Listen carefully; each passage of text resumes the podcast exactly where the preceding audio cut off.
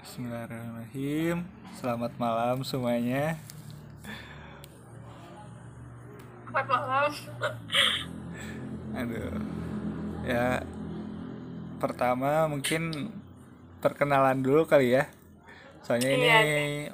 pos eh, podcast pertama aku selama menjalankan kegiatan dari program KKN itu sendiri. Ya langsung aja kali ya. Perkenalkan nama saya Yusri Hairul Muslim, salah satu mahasiswa dari Universitas Pendidikan Indonesia yang saat ini sedang melaksanakan kegiatan kuliah kerja nyata di bidang pendidikan. Nah, buat kali ini saya ditemani sama rekan saya, sama teman saya yang berada di di Aceh. Nah, boleh deh perkenalan dulu. Makan dulu ya. Oke deh. Eh, halo, aku Aya. Aku Afifa Zahra. Aku dari Aceh. Udah segitu doang gitu. Lanjut Ya. atau Ini ya bisa panggil ayah aja kali ya, biar lebih enak. ya bisa. Nah, jadi ayah ini eh calon atau calon mahasiswa baru kayaknya. Iya iya. ya lanjut aja lah, langsung ke intinya aja sih. Hmm. Jadi inti Oke. dari malam ini tuh saya mau ngebahas tentang topik yang agak ini ya, udah di masyarakat itu udah menjadi suatu permasalahan sendiri lah. Apalagi dalam situasi kayak gini gitu lagi lagi pandemi. Nah, jadi yang diambil itu di bidang pendidikan. Udah tau lah ya. Sekarang pendidikan Oke. itu semua melaksanakan kegiatannya secara daring gitu. Meskipun tidak semua bisa melaksanakan kegiatan daring. Jadi eh, memasuki era new normal ini masyarakat itu harus menjalankan aktivitasnya sehari-hari seperti biasa gitu. Namun demi menjaga keselamatan, jadi para siswa atau mahasiswa juga harus tetap menjalankan atau menerapkan sistem pembelajaran secara daring gitu mau gak mau. Cuman Iya. ya jadi cuman dari pembelajaran daring atau luring itu sering muncul masalah-masalah apalagi sekarang eh, dari era teknologi itu sendiri kan dari informasi. Hmm, mungkin sekarang aku ngejelasin dulu awalnya aja kali ya. Nanti pas bagian diskusinya kita eh, lebih rame gitu. Jadi Oke. kalau buat dari kondisinya di- dikatakan daring itu apabila kita memenuhi beberapa persyaratan gitu. Jadi kalau apa ya? Yang pertama itu mungkin di bawah pengendalian langsung dari alat yang lainnya misalkan alat pendukung penunjang kayak gitu buat sistem pembelajaran daring terus ada mungkin penggunaan segera waktu real time-nya karena mungkin dari apa ya pembelajaran atau dari platform-platform kayak gitu mungkin ada sistem pengumpulan tugas yang mungkin wak udah waktunya ditentukan gitu tapi tetap aja gitu. Ada beberapa bagian atau orang yang menggunakan itu buat men memanipulasi lah kayak gitu.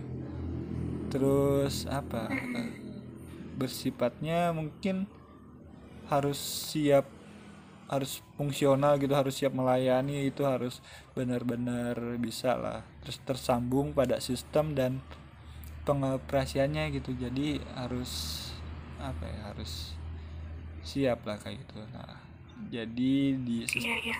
sistem pembelajaran daring itu sendiri udah tau lah udah udah banyak banget gitu kan. Kayak apa aja sistem apa platform-platform pembelajaran online kayak Google Classroom, Google Meeting, Iya, Zoom gitu. ya, Zoom, terus Edmodo, Zoom Meet.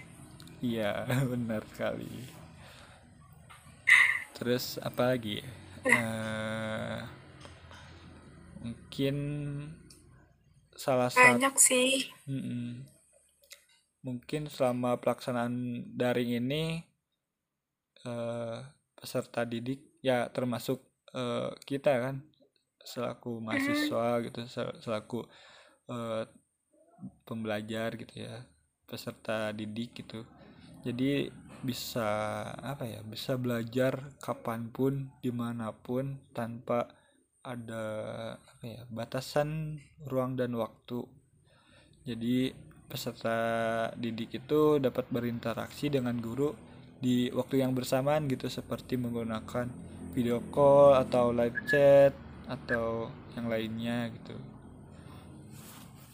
Tapi gimana ya namanya juga mungkin kalau di Indonesia itu belum semua merata gitu. Jadi masih banyak banget tantangan tersendiri gitu. Jadi kayak ya sih. Bener gak sih kayak gitu? Banyak bener banget. sih jadi siswa itu tidak hanya membutuhkan suasana di rumah atau apa ya? Yang suasana di rumah yang mendukung buat belajar si anak itu terus. Eh, tapi salah satu faktor pentingnya ya yaitu ya koneksi internet gitu. Itu udah jelas Iya. banget. Termasuk eh, saat ini kan aku sama ayah itu sendiri susah banget buat melaksanakan. Komunikasi. Karena tuh jaringan kan ya? Iya jadi kayak susah gitu. Hmm. jadi mungkin apa lagi ya? Mungkin dari solusi atau dari pembelajaran ini menurut ayah gimana gak sih? Ada ini enggak solusinya gitu. Ah, ah. Solusi untuk pembelajaran daring ini tuh ya dari pemerintahnya nggak sih misalnya kayak ngasih kuota gitu ya karena kan Iya. nggak di semua nggak semua orang tuh punya punya biaya untuk ngelakuin sekolah daring gitu kan Mm-mm, daring ini kan itunya tuh kayak perlu biaya lebih mm-mm. terus perlu juga jaringan gitu apalagi di daerah pedesaan-pedesaan gitu kan belum ada jaringan Iya, ya kan bener banget jadi agak susah gitu loh Asli. buat belajarnya Mm-mm. gitu apalagi ya kalau banyak menurut kakak gimana tuh kalau menurut aku sih mungkin eh apa ya dari ya tadi mungkin dari ke apa ya mempunyai fasilitas yang menunjang buat pembelajaran itu kadang susah banget gitu kalau buat di desa-desa gitu kayak kan nggak punya HP nggak punya kuota Mm-mm. sinyal internet terbatas Iya. terus apalagi dari ya itu mungkin dari masalah eh, alatnya gitu terus ini kalau buat sistematisnya penggunaannya kan tidak semua orang bisa menggunakan HP Iya, gitu kadang nggak paham banget eh, contohnya Iya. saja aku kemarin eh, melaksanakan kegiatan buat sosial- sosialisasi pembelajaran daring nah di sebuah SD ada di wilayah Tasikmalaya yaitu SD Sukasirna ya. Nah, jadi aku tuh memberikan apa ya? edukasi lah sharing gitu buat ini loh cara pembelajaran daring meskipun ya eh, eh, apa nggak semuanya me- melakukan kegiatan pembelajaran daring menggunakan eh, Google- eh, platform kayak Google Meet, Zoom kayak gitu tapi Mm-mm. setidaknya aku membuat atau mengasih tahu lah gambarannya bahwa eh, biasanya itu pembelajaran daring itu dengan ini gitu tapi di sana tuh banyak orang yang nggak nggak paham gitu buat ini joinnya gimana sih? Ini joinnya gimana sih? Aplikasi yang mana sih? Terus ini cara nutupnya juga nggak bisa. Nyalain mic nggak nyalain kameranya juga nggak bisa. Sumpah di Iya sih. di situ tuh kayak eh apa ya? Su eh, ironi aja gitu. Lihat eh, dari yang di kota kan di kota mah anak SD aja udah pada bisa ini sedangkan yang di eh, yang di pedesaan mungkin kalau yang bisa itu mungkin yang udah apa ya udah SMA kali ya udah pada bisa. Ini kalau Iya. yang yang SD atau bahkan orang tuanya juga nggak paham nggak bisa. Aduh makanya itu menjadi sebuah tantangan tersendiri gitu buat di eh, desa. Sistem pembelajaran Tapi ada nggak sih yang mau dengerin gitu? Misal kalau kita kasih eh, edukasi tentang itu misalkan. Terus ada nggak sih orang tua atau mu- wali murid yang kayak nggak acuh gitu?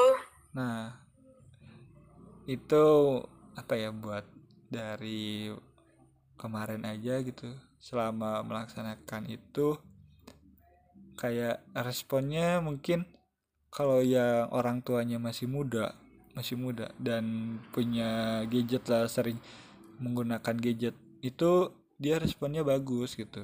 Meskipun ya nggak bisa belum oh baru tahu gitu. Tapi kebanyakan itu yang udah lanjut usia jadi nggak paham yang bisanya cuman mungkin baru WhatsAppan gitu kayak gitu.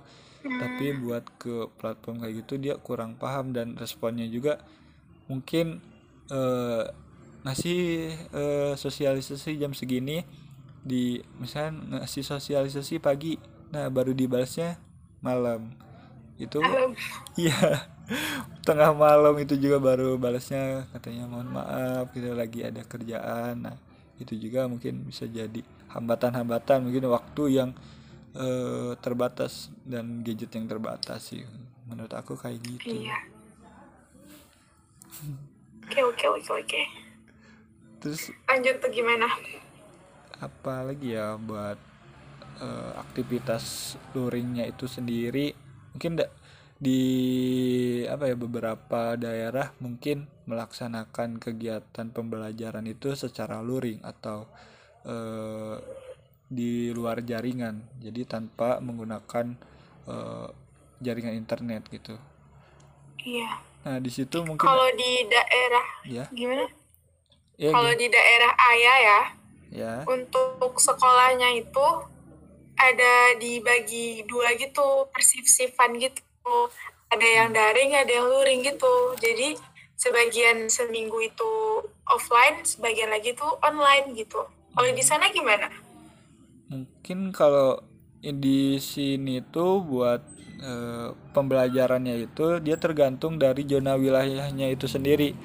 Ada yang zona mungkin kalau dari zona hijau itu bisa dilakukan secara itu. Jadi diganti persipnya itu. Kalau lagi apa di zona merah itu udah semuanya dia laksanakan secara online. Iya, ada penge- Oke. tapi mungkin ya eh, yang harusnya emang dia lakukan secara online tapi tetap aja kan dari anaknya itu sendiri susah banget buat eh, menyerap pembelajaran dari online jadi eh, ada Iya. beberapa bagian guru yang melakukan home visit kayak gitu Wow. Oke oke oke oke. Eh, jadi lanjut mungkin sedikit aku sedikit apa ya bah sharing atau berbagi cerita lah tentang mungkin Ya, oke, selama pelaksanaan eh, kegiatan ini ya melaksanakan KKN, KKN gitu ya? Heeh. jadi eh, mungkin eh, apa ya dari sistem belajar secara daring ini mungkin dari kekurangan sebuah eh, seorang operator atau penggerak atau yang mengoperasionalkan sebuah media pembelajaran gitu tidak terkecuali buat ngejala eh, menggunakan infokus gitu kalau buat di desa. Karena ya mungkin itu udah tersedia cuman dari tidak adanya dari eh, pemerintah atau apa ya dari penyedia penyedia media itu untuk melakukan eh, tata cara menggunakan. Jadi eh, guru-guru bahkan nih ini guru-gurunya itu sendiri dia tidak mau menggunakan media pembelajaran yang misalkan menggunakan gadget kayak gitu jadi masih keke dengan menggunakan eh, apa sistemnya ya metode lama Gitu ya. gitu iya jadi tidak menyesuaikan makanya Iya, iya. Itu yang menjadi faktor penghambat buat pembelajaran dari online itu sendiri gitu. Dari gurunya juga kan ada yang nggak bisa pakai zoom ada yang nggak bisa pakai google meet ada yang nggak bisa pakai eh, proyektor ada ya banyak sekali lah. Masa sekali kendala-kendala dari pembelajaran itu sendiri. Oke, oke, oke. Kan banyak tuh kendala-kendalanya gitu kan. Mm-mm. Ada nggak sih yang eh, kayak positif dari daring itu tuh ada nggak sih gitu kak? Ma- positif dari apanya nih Dari pembelajaran daring itu tuh ada nggak sih atau bahkan cuman kayak untuk gimana ya bilang ya? Hmm, Ada nggak sih yang beranggapan kalau daring itu tuh positif gitu? oh? Kalau menurut saya menurut aku sendiri ya kenapa Iya. ada keuntungan dari sistem daring itu sendiri? Pertama eh, menurut aku fleksibilitas waktu itu sendiri gitu. Jadi kita nggak harus keluar gitu kita jadi apalagi di masa pandemi sekarang gitu kita lebih aman gitu kalau tetap di rumah aja gitu. Lebih aman terus jam apa jam belajar mungkin eh, fleksibel kita bisa menaruhnya di mana aja Belajar tapi mana aja ya. bela- belajar di mana aja terus lebih aman lah dari covid itu sendiri terus mungkin ya kita harus apa ya tetap menyesuaikan zaman lah apalagi eh, semakin Daerah gini ya. Heeh, meskipun da- dari daerah gitu harus tetap eh, mengikuti perkembangan zaman gitu. Jangan sampai menolak perkembangan zaman nantinya ya ketinggalan. Apalagi kan mungkin makin apa ya beberapa tahun ke depan mungkin dunia digitalisasi udah merajalela gitu. Ya kita Iya sih. eh, harus tetap menyesuaikan atau mengikuti gitu. Nah mungkin kalau menurut aku sih kayak gitu. Dan mungkin respon-respon guru juga tidak seluruhnya menolak cuman eh, yang menjadi kendalanya itu ya nggak bisa terus udah udah apa ya udah tua lah maksudnya udah senior, udah senior jadi susah. Kalau guru-guru muda itu kan sekarang eh, udah pada paham lah tapi kebanyakan yang di desa itu guru-guru senior dan eh, tenaga pengajar juga kan kurang jadi ya masih menggunakan sistem-sistem lama kayak gitu Hmm. Oke. jadi Oke, itu gimana? Lanjutkan. lanjutkan ya mungkin apa ya buat sekarang eh,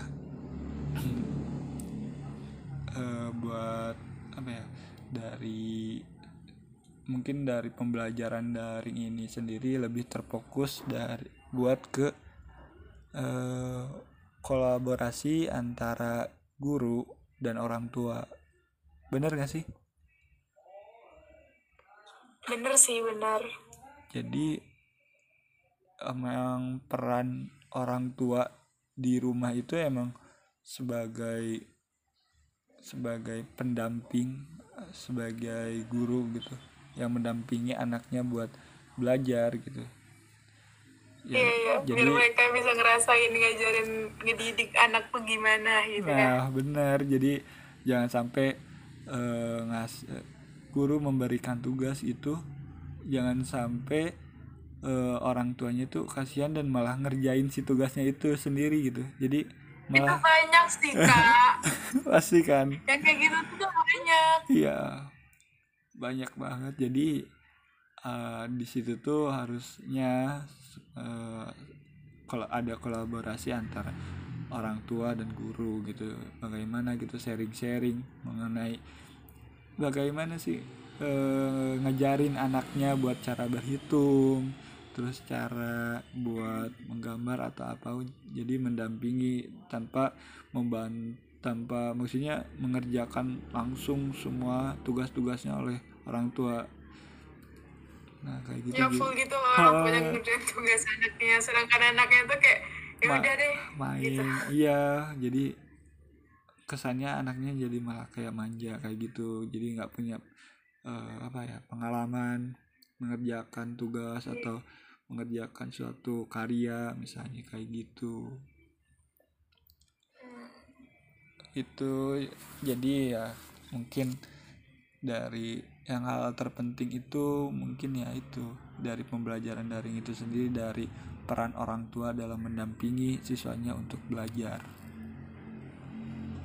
iya. Nah, oke apalagi tuh kayaknya kira-kira nih oh gitu santai aja lah. Ini Iya, siaran jadi grogi nih ya aduh santai aja ini siarannya buat kayak sharing-sharing aja sih.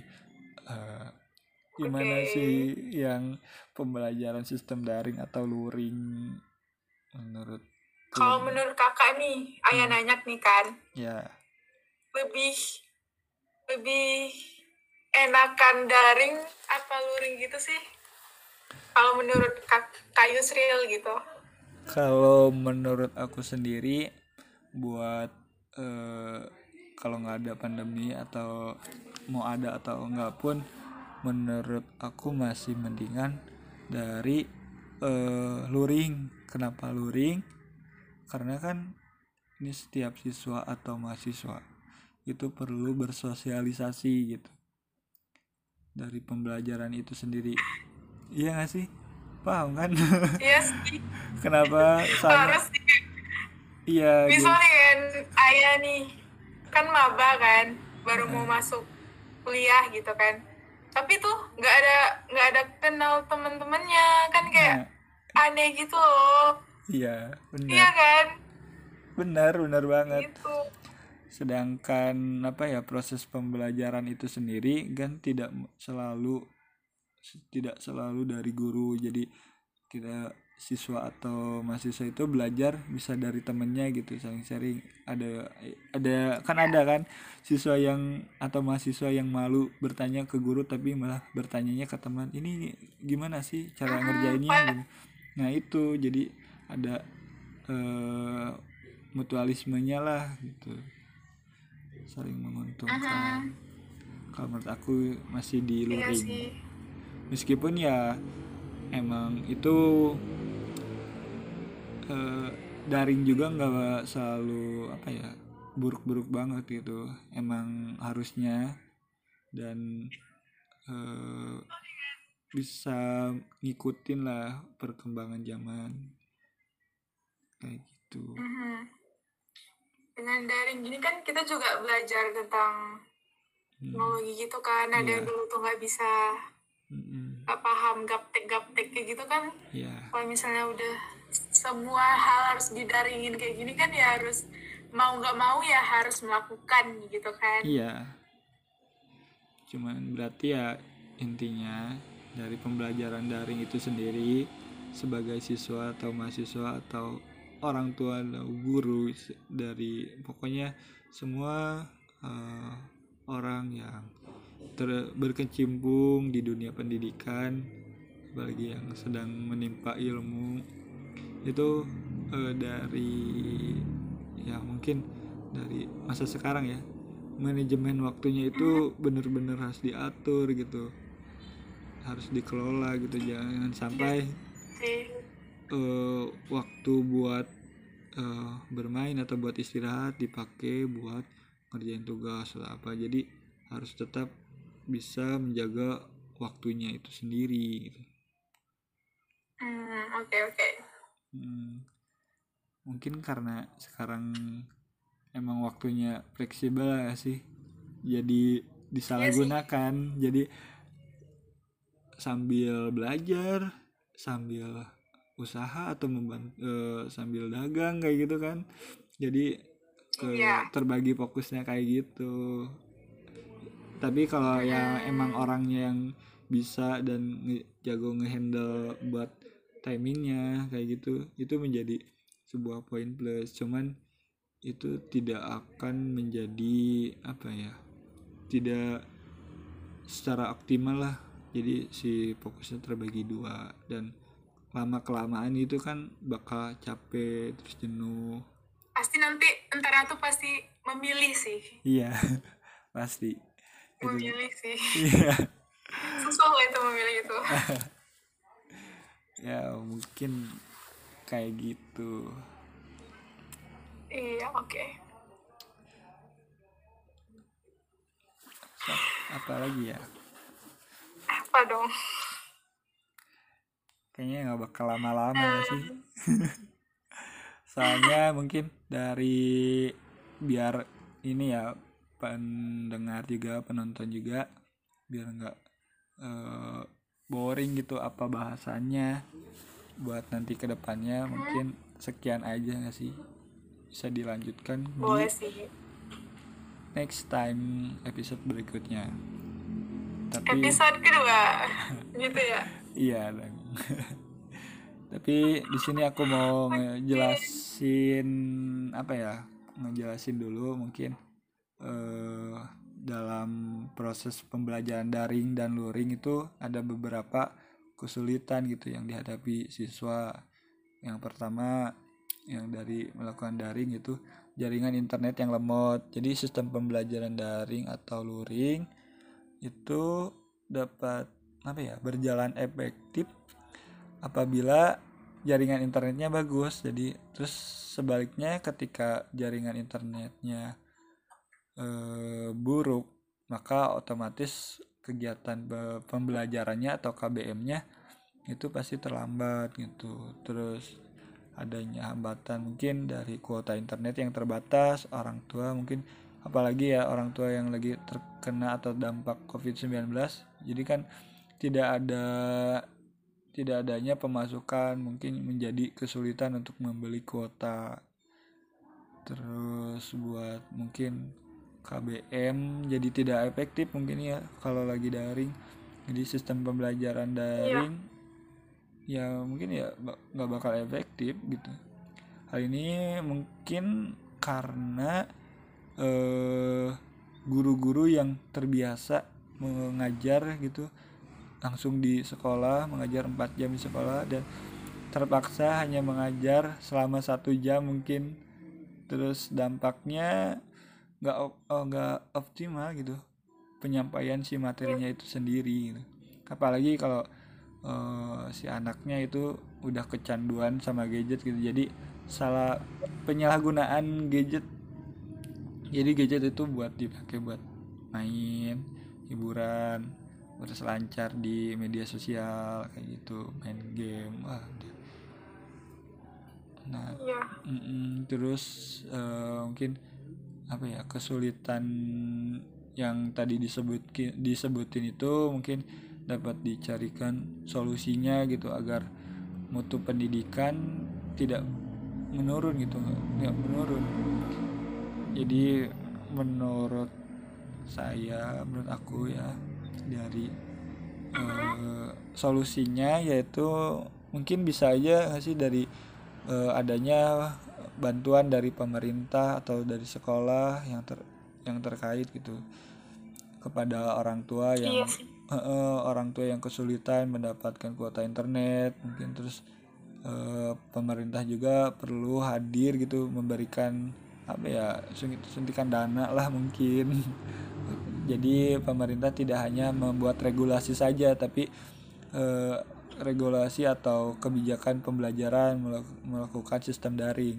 Tetapi pemerintah juga harus membantu atau menyediakan eh, anggaran khusus misalkan pembelian kuota kayak gitu. Terus apa ya sekolah juga harus eh, apalah lebih peka atau eh, sadar tentang atau lebih ini ya lebih perhatian lah kepada eh, keluarga yang terkena atau keluarga siswa yang terkena dari dampak corona itu sendiri. Terus kalau masalah K- Mm, masalah dari KBM itu yang mungkin masalah KBM yang kurang efektif itu sendiri mungkin dari sekolah atau dari para stafnya itu perlu apa ya menemukan cara tersendiri agar penyampaian materi itu sebisa mungkin dapat dipahami oleh peserta didik jadi tidak harus memaksa peserta didik eh, harus paham secara 100% atau 50 sampai 70% tapi eh, harus setidaknya setidaknya mereka harus paham gitu buat materi itu yang sedang dipelajari gitu. Mungkin Iya sih. Heeh, mungkin kalau menurut aku sih kayak gitu buat dari pembelajaran sistem daring. Jadi wah pokoknya ini tuh banyak banget buat diceritain masalah lika-liku buat sistem pembelajaran secara daring gitu. Apalagi buat di desa-desa gitu. Kalau di kota mungkin eh, lingkungannya atau orang-orangnya udah terbiasa gitu dengan sistem pembelajaran tapi nggak ngerti oh, oh, tapi gitu kan tapi apa kabar gitu buat orang-orang yang ada di desa? Mungkin kayak gitu. Harus lebih perhatian gitu. Hmm, kayak gitu. Mungkin iya iya iya. dari aku mah sekian. Terima kasih. Terima kasih udah mendengar buat eh, penonton atau pendengar. Terus terima kasih juga buat rekan saya Ayah dari Aceh iya sama-sama. Jauh-jauh jauh nih. ya jauh-jauhan nih. Ya jauh-jauh tapi ya itu. Nah itu mungkin jauh-jauh eh, kelebihannya mungkin dari daring itu kita bisa komunikasi gitu dengan orang jauh. Jauh tanpa banget nih teman-teman. Iya, kalau aku kan dari Tasik, jadi ini berkomunikasi sama aku orang. dari Aceh. Jadi mana? Jelas dari di ujung pulau ujung pulau. Sumatera Mungkin sekian ya. Terima kasih semuanya. Ditunggu di episode selanjutnya. Bye bye. Selamat, Yeay Yeay. bye bye Selamat malam. selamat malam